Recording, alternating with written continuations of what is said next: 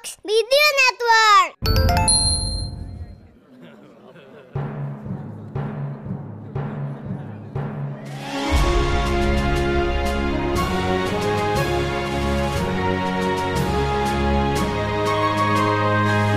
Perhatian, perhatian. Dongeng Paman Geri akan segera dimulai. Semua anak dipersilahkan untuk berkumpul.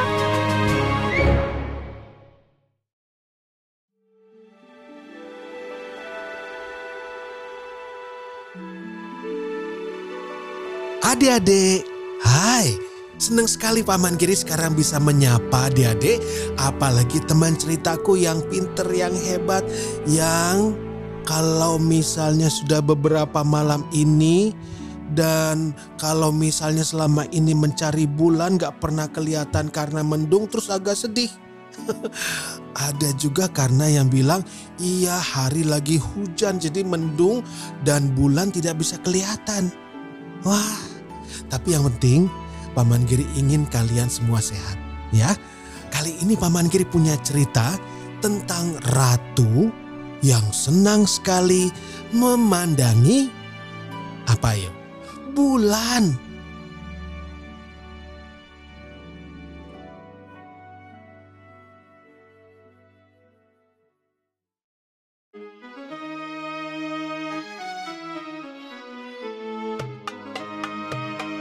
Di sebuah negeri yang sangat jauh, di sana ada satu kerajaan yang berkuasa di sepanjang aliran sungai. Namanya Kerajaan Gadara. Awalnya, kerajaan ini sangat disegani karena ratu yang berkuasa adalah ratu bijaksana dan baik hati yang tidak memiliki seorang anak pun. Sayangnya, ratu belakangan ini sakit-sakitan. Entah karena apa. Ada yang bilang karena usia ratu sudah tua. Tapi ada juga yang bilang ini perbuatan Perdana Menteri. Hmm, memang agak mencurigakan adik-adik. Soalnya, Perdana Menteri Amitabh mengambil alih pemerintahan dan mengangkat dirinya sendiri sebagai penguasa selama ratu sakit. Loh, Wahai rakyat Gadara yang budiman, ratu kita yang tercinta terkena suatu penyakit yang berbahaya dan kondisinya sangat parah. Oleh karena itu, yang mulia ratu memberikan kekuasaan padaku untuk memerintah kerajaan ini. Eh padahal, padahal, padahal ratu tidak pernah memerintahkan begitu pada Perdana Menteri. Dia hanya mengarang-arang saja supaya rakyat percaya. Sementara Perdana Menteri Amitabh mengambil alih kekuasaan, ratu yang sakit parah ditempatkan di menara tertinggi di istana itu dan dijaga oleh seorang pengawal dan pelayan saja. Ratu jadi sering kesepian. Tapi untunglah ada Amara. Amara adalah anak sang Perdana Menteri. Tapi sifatnya sangat berkebalikan dari sang ayah. Amara itu sangat perhatian pada ratu. Ia sering menjenguk ratu di menara, mengajaknya ngobrol, atau sekedar membawakan makanan dari dapur istana. Selamat malam yang mulia. Makan malam sudah siap. Aku taruh di atas meja saja ya. Amara, jangan keluar dulu. Temani aku makan malam ya. Aku sudah minta pada Koki membuatkan dua porsi supaya kita bisa makan bersama di sini sambil melihat bulan. Menurut perhitunganku, malam ini akan terbit bulan purnama yang sangat indah. Hmm, kurasa aku bisa di sini sebentar. Mari kita lihat bulan purnama itu. Aku ingin pergi ke sana, Amara. Ke bulan purnama itu. Lihat, dia cantik sekali. Pasti di sana indah sekali ya. Amara tersenyum saja mendengarnya. Ia ingin sekali mengabulkan permintaan ratu. Tapi bagaimana mungkin bisa terbang ke bulan purnama?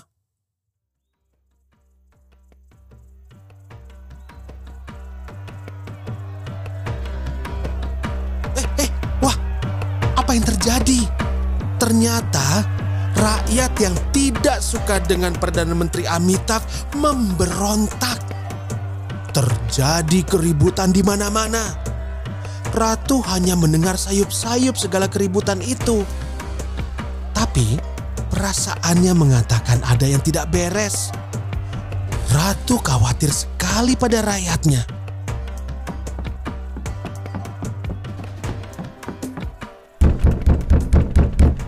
Ratu, Ratu, Amara, kau datang juga. Apa yang terjadi di bawah sana? Sepertinya aku dengar ada keributan. Apakah rakyatku baik-baik saja? Eh, tidak, tidak ada apa-apa. Rakyat hanya ke sini untuk menyerahkan upeti seperti biasa. Tapi aku punya kabar bagus untuk yang mulia. Aku membawa ramuan yang bisa membuatmu pergi ke bulan purnama. Tapi yang mulia harus menurut kata-kataku ya. Minumlah ramuan ini, kemudian berbaringlah di tempat tidur. Karena itulah yang akan mengantarkanmu ke bulan. Ratu melakukan persis yang diminta Amara. Setelah meminumnya, Ratu langsung berbaring di kasurnya yang empuk. Tak lama kemudian, matanya tertutup, tapi bibirnya tersenyum. Amara melihat sang ratu telah tertidur dengan lelap. Wajahnya bahagia. Baru saat itu Amara berani meninggalkan ratu untuk bergabung dengan para pemberontak. Oh, ternyata Amara mau melawan pemerintahan ayahnya yang sewenang-wenang. Dia berlari dengan cepat ke aula tempat semuanya terjadi.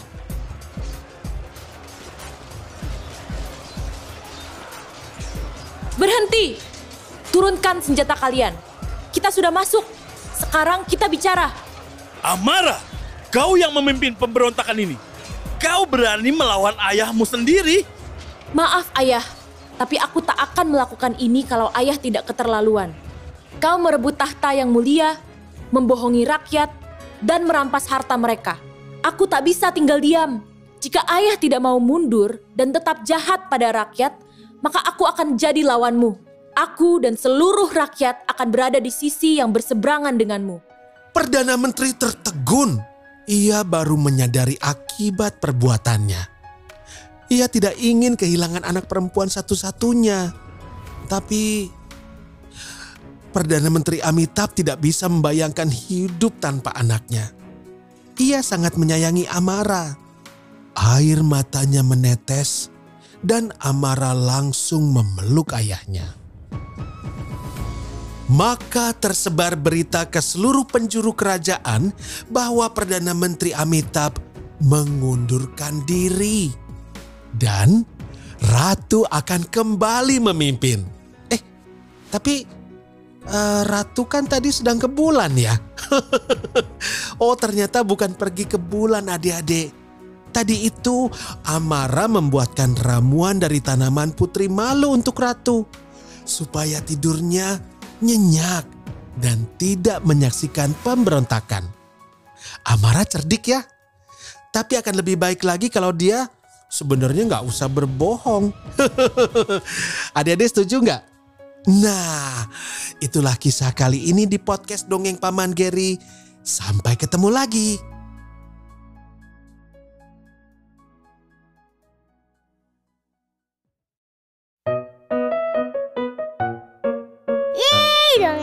Selesai.